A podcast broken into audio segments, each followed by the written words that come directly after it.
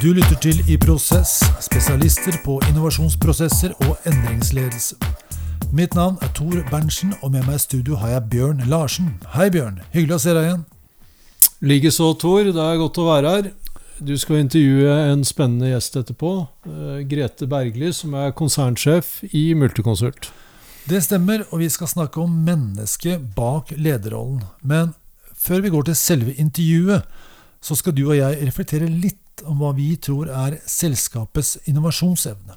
Altså, hvor utfordrende er det å lede innovasjonsprosesser i Multiconsult? Ja, det skal vi. Og vi reflekterer da på en skala fra én til ti, hvor én betyr at det er normalt utfordrende å innovere selskapet, og ti betyr spesielt utfordrende. Da kan vi legge til at normalt utfordrende er ganske krevende. Det er ingenting her som er lett. Altså Innovasjon er i seg selv komplekst og utfordrende, så det, det kan vi være helt enige om. Ja, og er det store virksomheter, som det vil være her, så er det en ekstra faktor her.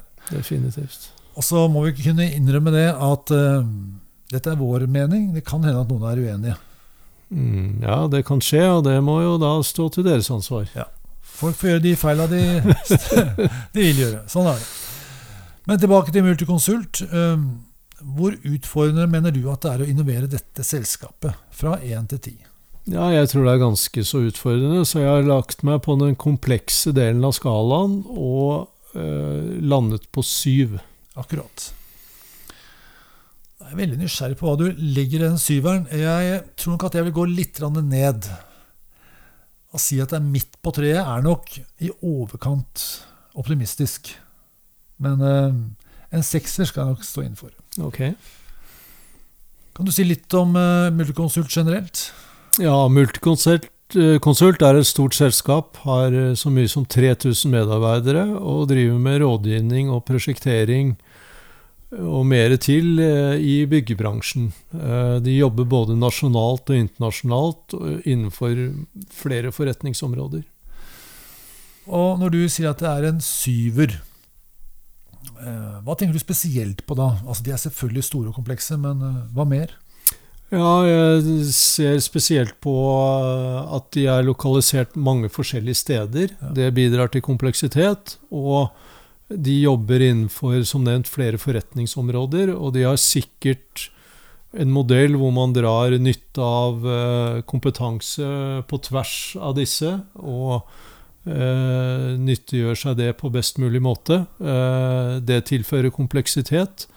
Eh, det er også eh, et konsulentselskap med, med veldig høyt faglig nivå på de enkelte medarbeidere.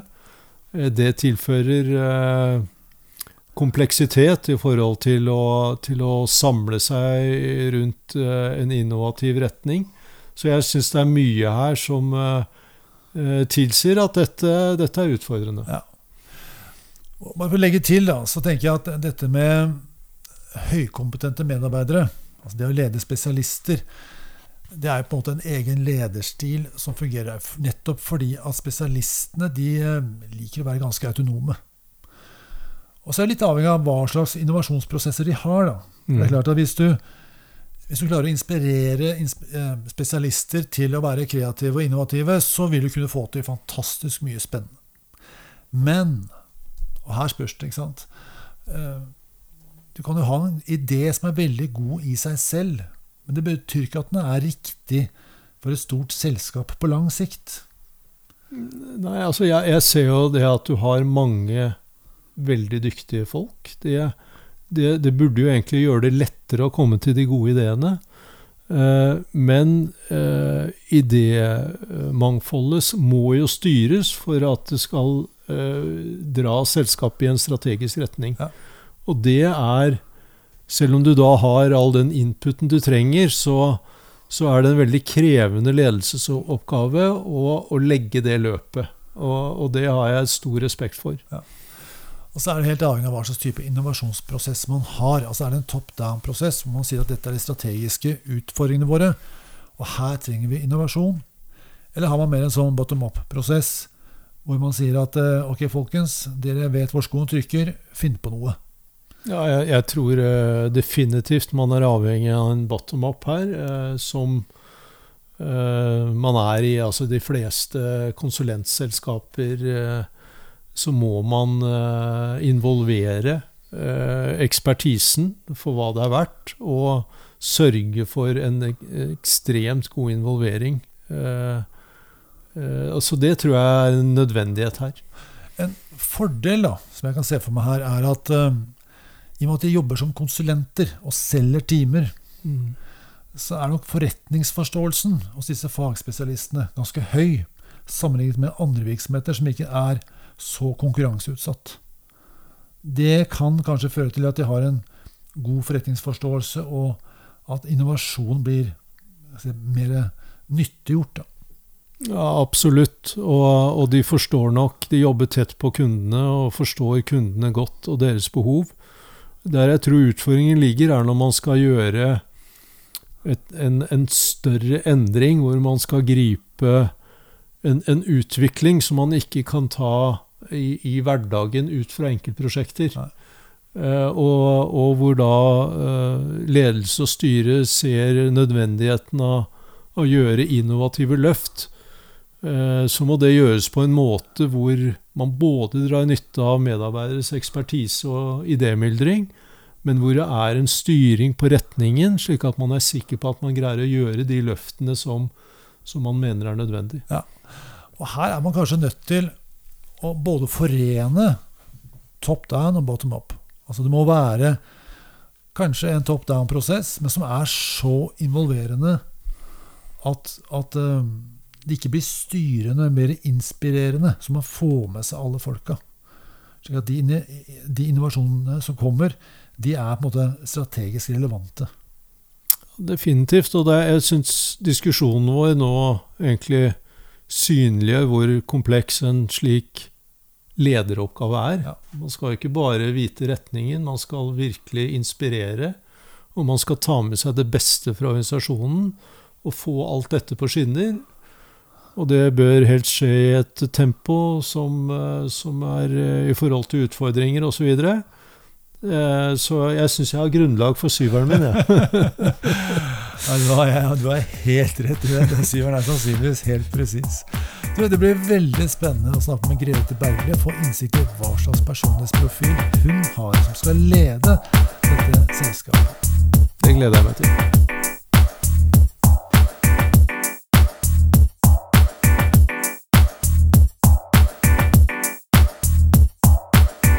Du lytter til I Prosess, spesialister på innovasjonsprosesser og endringsledelse. I dag skal vi snakke med Grete Bergli, konsernsjef i Multiconsult og menneske bak lederrollen. Velkommen, Grete. Mange takk skal du ha. Det er veldig hyggelig å få lov å være her. Før vi går videre, vil jeg si litt om bakgrunnen for denne podkasten. Psykolog Daniel Kahneman fikk nobelpris i økonomi i 2002. Med sin forskning utfordret han modellen som er hele grunnlaget for samfunnsøkonomenes analyser. At vi mennesker tar rasjonelle valg for å maksimere egeninteresser. Men dette er ikke bare grunnlaget for samfunnsøkonomenes analyser. Dette er grunnlaget for din og min analyse.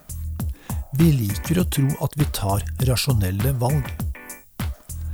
Kahneman er særlig kjent for sin forskning på beslutningspsykologi, atferdsøkonomi og lykkeforskning.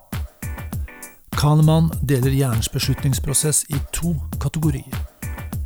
Den raske, assosiative måten, som Kahneman kaller system 1, men som jeg foretrekker å kalle automatiske valg. Den langsomme, analytiske måten, som Kahneman kaller system 2, men som jeg foretrekker å kalle bevisste valg. Og du har tatt en profilanalyse, og vi skal snakke litt om dine automatiske valg. Altså det du har en tendens til å gjøre når du ikke tenker deg spesielt om. Og så er vi litt nysgjerrig på hvordan dette, denne autopiloten da, preger ditt lederskap. Men før vi gjør det, kan ikke du si litt om Multiconsult og, og din rolle der? Multiconsult er jo et uh, selskap som har arkitekter og uh, driver prosjektering, rådgivning. Vi er 3000 ansatte. Uh, hoveddelen er i Norge. Men vi har også kontorer i Danmark, eh, Sverige, Polen og eh, jobber eh, slik at du vil se fotavtrykket til Multiconsult eh, på mange steder i verden, og da er det primært knyttet til fornybar energi og også olje og gass. Ja. Det betyr at vi har arkitekter, og vi har ingeniører, men også i, i større grad også innslag av andre fag, fordi vi ser at det vi leverer etter hvert er, er ganske komplekst. Akkurat. Og jeg da er jo da lederen av Multiconsult eh, og har vært eh, i dette selskapet helt siden 2002. Jeg har lest et sted at dere har gjort det ganske bra i det siste. Kan du si eh, litt om nå-situasjonen til Multiconsult? Ja, det er riktig det du har lest. Vi har jo vært igjennom Over et par år nå så har vi, vi styrket lønnsomheten vår. Slik at eh, forretningsmessig så står vi jo nå på et veldig mye bedre sted enn vi gjorde da jeg tok over som eh, sjef i, i mars 2019. Og eh, det betyr jo at vi har en god oppdragsportefølje. Eh, det betyr at vi har eh, gode prosjekter som vi også jobber med. Og så betyr det jo også da, som jeg har vært veldig opptatt av å si, grunnen til at vi skal tjene penger, det er jo at det gir oss også et mulighetsrom for å investere i, i fremtiden. Mm. Hva er de største utfordringene for Multiconsult og bransjen kanskje i disse dager? Noe av det er jo knyttet til pandemien, selv om vi ser at uh, veldig mange i bygg og anlegg, da, som jo vi er en del av, har greid seg ganske bra. Uh, men det er fremdeles litt usikkerhet nå hvor investeringene kommer. Og uh, det er jo helt klart, hvis du tar blikket fram ti år Du leser nå om at det europeiske energi. De snakker om at olje og gass eh, skal ikke lage nye felt. Så det er litt hva skal vi leve av i fremtiden. Ja. Eh, hvor mye penger kommer egentlig stat og kommune til å ha og investere eh, i fremtiden? Akkurat. Jeg regner med at du, selv om du har skapt gode resultater i den siste fortiden og nåtid, så har du vel ambisjoner for framtiden også. Hva tenker du er, hva er dine ambisjoner for Multiconsult de nærmeste årene? Jeg tenker at vi skal befeste vår posisjon som eh, en av de, de, viktige rådgiverne i Norge, men også å videreutvikle strategien vår på et fotavtrykk i Skandinavia. Eh, og eh, skal vi få til det, så må vi faktisk eh, være en driver for og sørge for at vi også utvikler oss på det vi ser er driverne i samfunnet vårt. Vi skal løfte oss på digitalisering.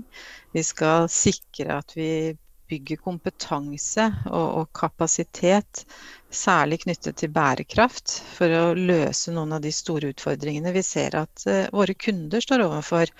Så ambisjonen vår er jo at vi skal være der for å løse de utfordringene vi ser at våre kunder har, uh, for å, å kunne levere eh, bærekraftig næringsliv egentlig framover. Ja.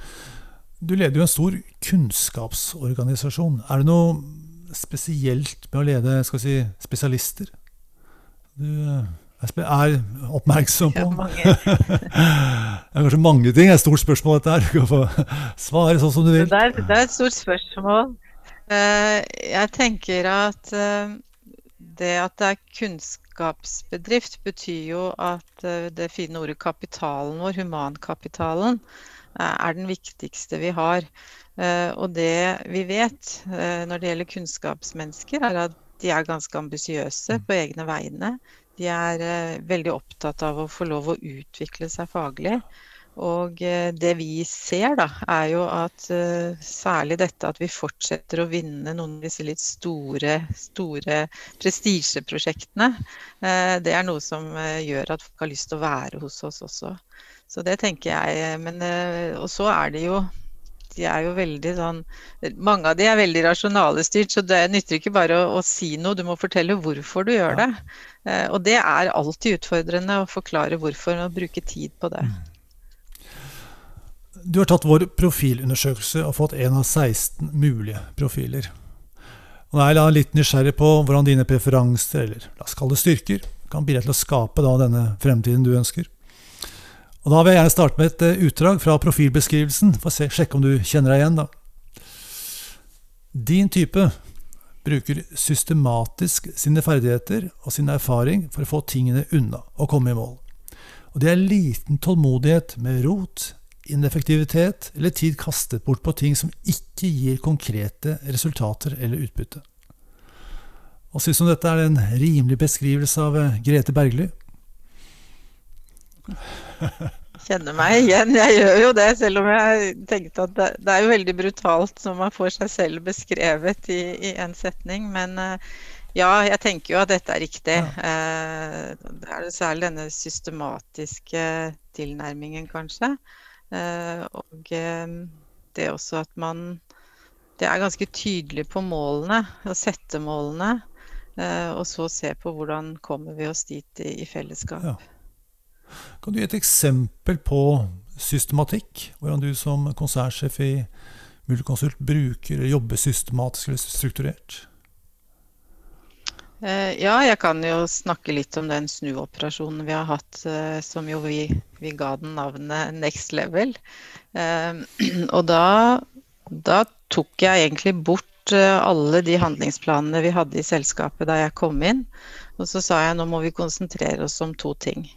Eh, og så brukte vi da, hvis vi sier det er det vi lever av, det er salg og det er oppdrag, det er prosjekter. Og så satte vi da OK, for å komme i mål på dette, så må vi i konsernledelsen gjøre noe. Og så må alle dere som er på nivå tre i organisasjonen gjøre noe. Og da fikk de faktisk veldig tydelige KPI-er som vi mente det er dette nivået vi må levere på for å greie den ambisjonen vi har sagt. Og så systematikken kommer jo da med at du følger det opp hver eneste måned. Ja. Ganske brutalt. ja, ja, det er bra. Det, det, er lett å si det. Det er mer krevende å gjøre det, så det er kjempefint. Ja, og så er det Men så tok vi også et annet prinsipp som det har jeg lært av noen andre òg. Det er follow or explain. For det Eh, det er ikke slik at alle våre enheter kan måles på samme KPI. Nei. Det aksepterer vi, men da må du forklare hvorfor det er slik akkurat for deg. Ja. Så med en gang det er ulikheter, så må det begrunnes. Og vi er jo ta, Vi er eh, kontorer med 60 ansatte. Vi har noen små kontorer med tre ansatte, og vi er store Oslo ved 700. Ja. Det er klart det er litt ulik forretningsmodell som du kan også drive etter, da, og ulike prinsipper. Ja. La oss se på profilen din. Her er det fire dimensjoner, som vi kaller det her. Og Den første dimensjonen er energidimensjonen. Altså hvor henter vi energi fra og fornyer den? Den går mellom introversjon og Hvis man er introvert, så får man energi av å være alene med seg selv, med sine egne tanker. Det å sitte og tenke og gruble eller gjøre noe som gjør at tankene får lov til å flyte fritt, det gir mental energi. Vel å merke det. Ikke, ikke som joggetur eller spise en Snickers. Ikke den type energi. Mental energi er det vi snakker om. Og den andre preferansen er jo ekstroversjon. Da får man mental energi av å være i interaksjon med andre, prate med andre og få den, dynamikken der, da. Og du er svakt, svakt ekstrovert, altså en svak E hos deg. Det er et par poeng over. Så det er nesten sånn eh, Nesten det vi kaller ambivert. da. Er det noe du kan kjenne deg igjen i? Ja, jeg gjør det. Eh, og jeg tenker at eh, jeg har behov for å være alene noen ganger. Jeg har behov for å kanskje sitte og tenke litt. Og det er klart, i en, en jobb som jeg har hvor du er så tett på mennesker, så kjenner jeg at noen ganger da må jeg bare få lov å gå alene i skogen med, med bikkja. Samtidig som, og kanskje nå i disse covid-tider, så har jeg jo opplevd hvilken enorm glede og energi jeg får av å komme og snakke med medarbeiderne mine ja. og eh, folka som jobber her. Og, eh, så jeg er jo ikke i tvil om at jeg trenger mennesker, og jeg trenger særlig menneskene når vi skal tenke litt nye ting. Ja. Da, da, trenger jeg å ha Jeg trenger to ting. Jeg trenger å holde en penn i hånda, det tror jeg er en ingeniørsvakhet. og så trenger jeg å kunne snakke med noen og bare sette ord på det, og da trenger jeg den responsen tilbake. Ja. Dette med introversjon og ekstroversjon, hvordan tror du det påvirker lederskapet? Altså tendensen vil jo være, hvis man ikke tar veldig veldig bevisst selv, altså en, en, som er ekstremt ekstrovert, vil være veldig glad i å snakke med folk. og vil, ja, Man må gjette på at man gjør det. og Hvis man er ekstremt introvert, så vil du ja, holde litt igjen. Eh, hva tenker, tenker, du om dette? Jeg tenker at jeg er eh, ekstrovert nok til at jeg har gleden av å snakke med folk. Men jeg er ikke så ekstrovert at jeg trenger å fylle hele rommet med bare meg. Jeg er veldig fornøyd når andre òg snakker. Altså der, det er en styrke, vet du. Å få andre i tale. Man sier det at, at de beste selgerne er svakt, eh, svakt introverte. Fordi de er gode lyttere. Det er, ja, og det er vel eh, introvert, introverte ledere og har et, man har vel etter hvert skjønt at eh, det er ikke alltid det der store som står og slår seg selv på brystet som nødvendigvis skaper resultater heller. Så det tenker jeg er en fin balanse å ha jeg, for en toppleder. Ja. Absolutt. Og introversjon inspirerer jo til lytting og mer konsentrasjon. Du kan få, få energi av å konsentrere seg om komplekse oppgaver. Eh, det kan være litt mer krevende hvis ekstroversjonen er høy. Ja, men det er godt. Mm. Den neste dimensjonen kaller vi opplevelsesdimensjon, eller hvordan vi oppfatter informasjon. Og det ene preferansen er N, og her, blir her ser du forkortelsen blir morsomme. Intuisjon. Og den andre er S for sansing. Intuisjon er mer av det å være opptatt av å se muligheter først, vil jeg merke. Man først ser muligheter, først skal se bruksverdi, fremtidsperspektivet, og etterpå fokusere på detaljer og det som skjer akkurat nå. Mens de som har en sterk S, vil være opptatt av fakta først, og få orden på dem, og deretter ser man på mulighetene. Du er ganske tydelig på uh, sansing. 11 versus 3 på intuisjon. Er du en veldig sånn faktaorientert leder? Jeg er nok det. Jeg har til og med sagt noen ganger 'act on fact'. Men uh, man skal jo være klar over uh, det Når du skal agere på fakta, så må du jo sørge for at du får fakta fra flere kilder. For det er ikke slik uh, i, i, noen tilfeller at det er, med mindre det er et rent matematisk stykke, at fakta er, er enkel å få tak i. Men jeg er nok veldig opptatt av eh, Når vi får en problemstilling, eh, så, så, vil nok ikke jeg tatt den for gitt eh, uten at jeg også tar og liksom sjekker litt. Noen ganger kan jeg til og med sette meg ned og lese meg opp på det selv for å, for å forstå sammenhengen. Da. Akkurat. Hvordan er det med idémyldring? Altså jeg har en sterk N i min profil, og jeg jobbet sammen med en leder som hadde en sterk S. Og eh, hun kunne bli litt sliten av meg noen ganger, for jeg hadde en tre, fire, fem eh, konsepter samtidig. Og jeg forholdt meg ikke til detaljene. Mens hun så jo for seg hele sekvensen. altså Hva skal til for å realisere dette? Samtidig så hun ble sliten av meg. Åssen eh, forhold har du til idémyldring? Nei, jeg, jeg, tenker at jeg har blitt bedre på det. Jeg har det, For det, når du er så langt til det som da er egentlig til venstre i dette skjemaet, så er det en fare for at du begynner å bli for opptatt av detaljene for tidlig. Ja. Uh, og det har jeg nok trent meg på etter hvert som jeg har uh, fått uh, ulike ansvar, men også ved å få litt hjelp og tilbakemelding på det. Så jeg, jeg er i stand til nå å ta idémyldringen uh, uten å nødvendigvis drepe enhver hver, hver prosess. Men jeg, jeg tror kanskje jeg, jeg, er bevisst når er det Når skal vi tillate en idémyldring, og når tenker jeg at uh, her har jeg såpass klar mening at jeg, jeg vil ikke gjøre det. Ja. Men uh, det, det jeg ser, er jo den jeg er, den krever jo da at eh, jeg omgir meg med folk som kanskje har en sterkere enn, ikke sant? Mm. Slik at du får den balansen. For det, som leder er du jo ikke alene i, i det du står i. Ja. Så det å sørge for å ha det rommet, da, og slippe det til, det er viktig. Ja, det er viktig. Jeg liker det du sier, for jeg, før jeg ble kjent med dette verktøyet, så, eh, så har man sånn idé om at uh, min måte å tenke på er normal. Alle andre her som tenker likt, er normale, og de som tenker annerledes, er unormale. Mm. Det er litt sånn enkelt. Mm. Så ble jeg mer oppmerksom på at folk er skrudd sammen helt forskjellig, og får litt mer ydmykhet og interesse for at andre har andre preferanser og styrker.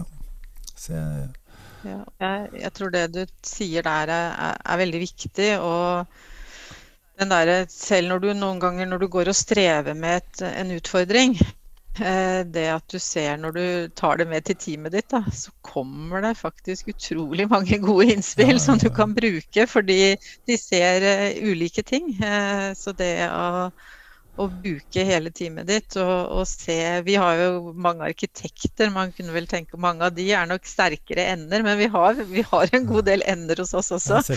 Som har veldig mange gode ideer på ting vi kan gjøre.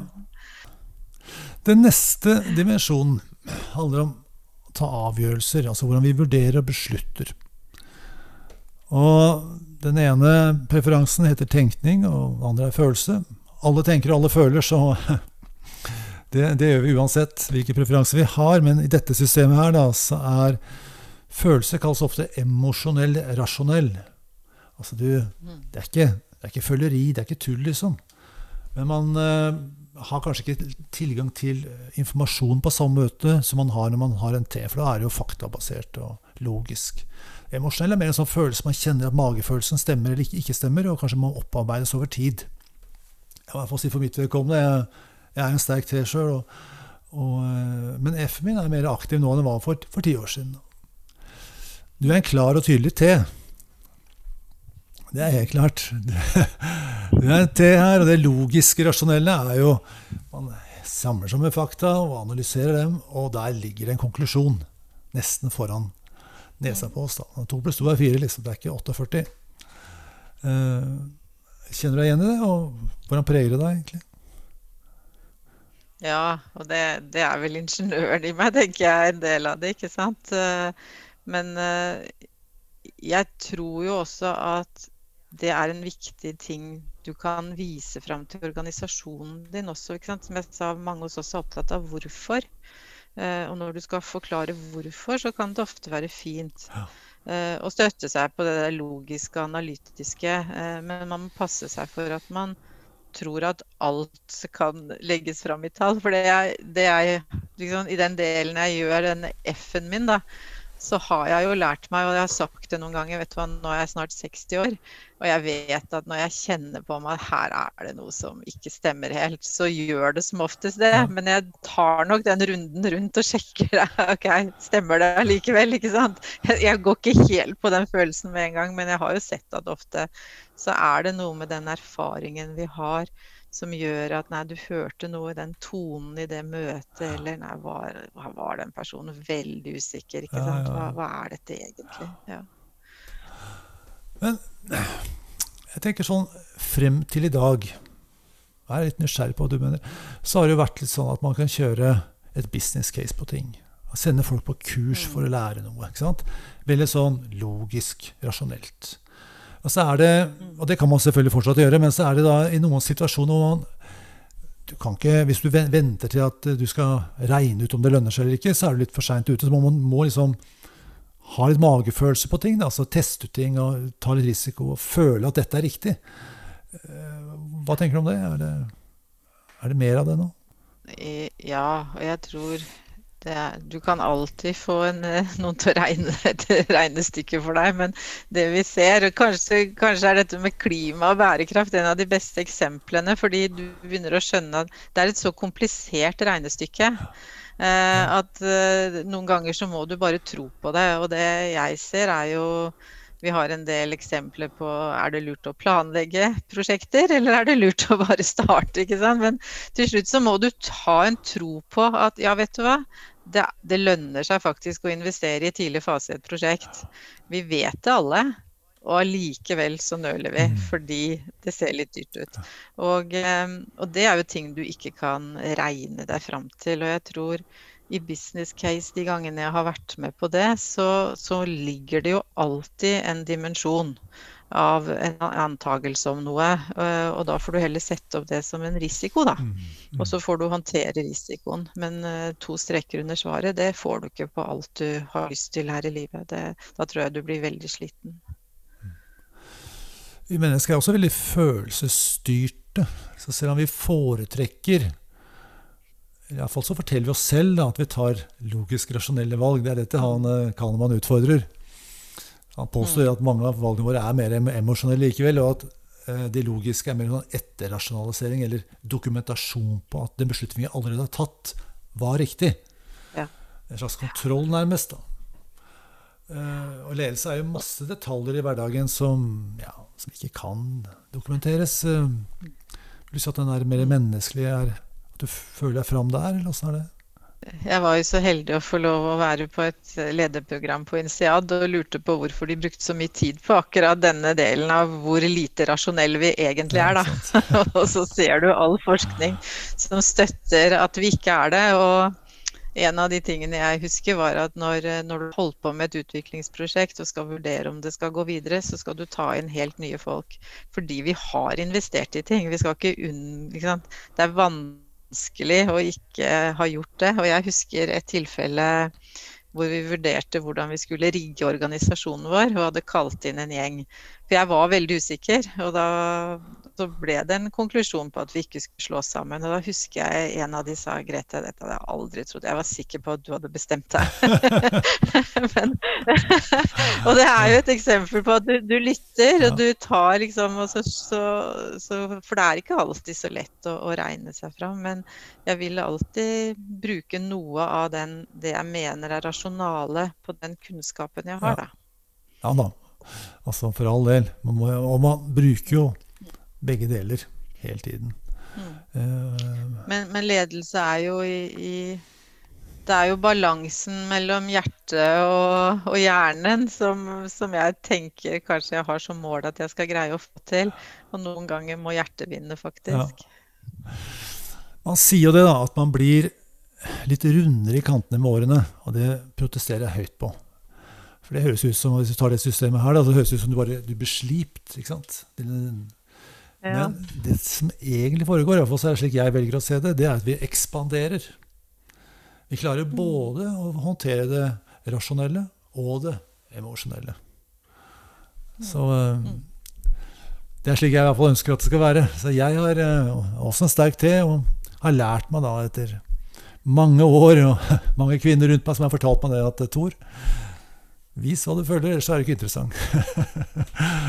sånn ja, er det blitt. Ja. Det, er ikke farlig, det er ikke farlig som leder å vise at du har følelser òg. Det, eh, det tenker jeg er helt fint. Og jeg bruker å minne noen ganger når jeg Jeg oppfordrer jo veldig ofte i min organisasjon til å gi litt ros og dele med andre. Ja. Og så sier jeg at husk at ledere, de er mennesker, de òg. Ja, absolutt. Og så skal vi gjerne skape følelser hos andre, eller påvirke andres følelser, for mm. å motivere og få de til å mm. drive fremover. Den siste dimensjonen kaller vi livsstilsdimensjonen. Så er det vanskelig å si at det er livsstil, men det handler mer om vi organiserer livene våre. Hvordan vi innretter oss. Øh, det går mellom avgjørelse, som da er forkorta til J, og opplevelse, som er forkortet til P. Engelsk måte å beskrive det på er egentlig sånn at J-ene er glad i struktur og vil gjerne ha litt kontroll. Mens P-ene de er glad i fleksibilitet og variasjon og impulsivitet. Er mindre opptatt av kontroll.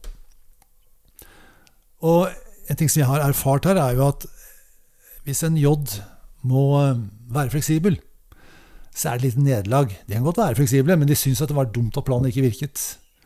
Mens Pene P-ene de syns planer er litt slitsomme greier. De må ha planer, men de vil ha det så rause som mulig, for de ser på fleksibiliteten som en slags styrke. Så her er man mm. skrudd sammen helt ulikt. da. Og du er eh, eh, ganske tydelig på J, da, får man si. Hvordan, er, hvordan preger det deg og ditt lederskap? Ja, det, er vel, det, er vel, her strukturen kommer inn, ikke sant. Er, eh, og eh, jeg tenker at jeg har sett en del ledere som ikke har en sterk J og som ikke har greid å omringe seg med noen som da har det.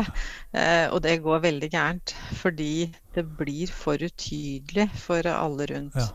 Eh, og så skjønner jeg jo samtidig at hvis du innfører en sånn det, For det er, det er jo J-en kan jo sikkert eh, bli for detaljstyrende. Uh, og det er jeg veldig opptatt av å ikke være en leder som uh, er detaljstyrende. Og det, jeg, det, er det ikke heller alle som som takler. Jeg har hatt folk under meg som ville ha denne veldig tydelige styringen. Og det er litt uh, avhengig av hvilken erfaring de har, men også hvilke typer de er.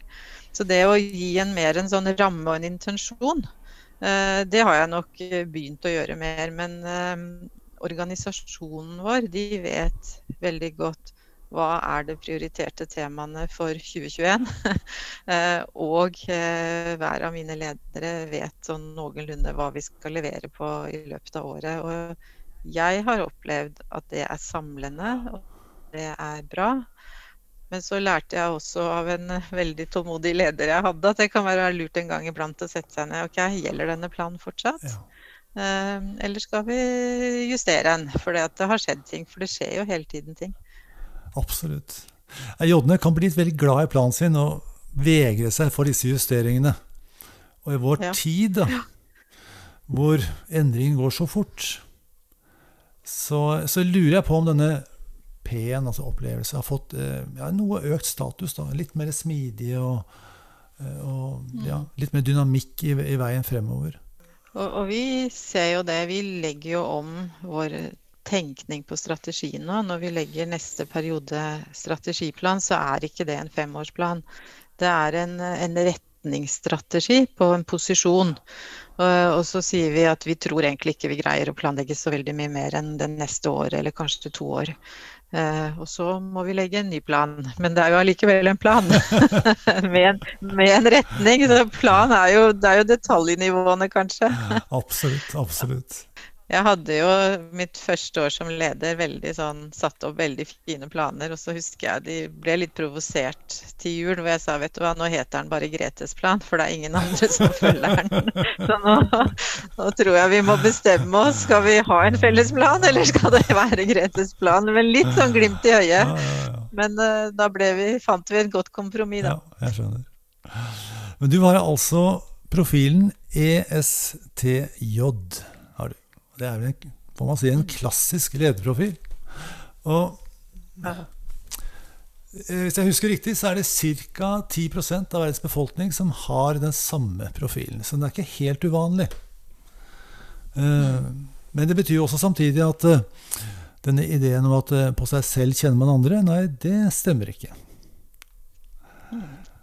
Hvis du skulle si at ja, du skal utvikle en av disse områdene, hva er det du kunne tenkt deg å bli enda litt bedre på, eller utvikle videre? Er det noen av disse andre preferansene i en FP som du tenker at eh, her, er, her ligger et potensial? Det er nok kanskje den intuisjondelen. Eh, å tørre kanskje noen ganger å la den slippe til sterkere. Ja. Og så er det jo eh, noe med når slår den til, ikke sant. Eh, Den slår kanskje til noen ganger når man er veldig Når man har det litt hektisk. Eh, så, men det er liksom hvordan man tar inn informasjon, tror jeg som leder er veldig viktig. Uh, og også da hvilken arenaer må du ha for å få til den, og bruke den uh, intuisjondelen din, da kanskje. Ja. Du, I vår tid så har jeg følelsen av at folk løper etter bussen hele tiden. Altså Tidsklemma er overalt og alle. Og da går vi jo lett i autopilot og tenker litt sånn assosiativt, og ikke så nødvendigvis så klokt. da. Har du noen grep som, som du gjør i ditt lederskap for å styrke den mer bevisste tenkningen? Helt siden jeg ble leder for, for noen flere ledere, så har jeg valgt å sette av en og en halv dag, eh, ca. fire ganger i året, for det jeg kaller de litt lange tankene. Slik at jeg skiller det også fra det taktiske, som jo ofte preger en konsernledergruppe. Eh, da har vi noen ganger eh, helt åpen agenda. Eh, Vi har også med oss eh, noen ganger en coach, eh, hvor du får lov å sette litt ord på hvor er du akkurat nå, og hvordan har du det. Og hva er det som brenner, og hva har du lyst til å dele med oss andre. Og det interessante er at når det skjer, så har du jo egentlig ikke tid. Men tilbakemeldingen de gangene vi har gjort det, fra alle de jeg har hatt i mine team, det er at det var veldig, veldig fint å få anledning til et lite pusterom. Vet du hva, Det der tror jeg er et veldig viktig grep. Jeg håper flere kopierer deg på dette. Da sier jeg tusen takk for samtalen. I like måte.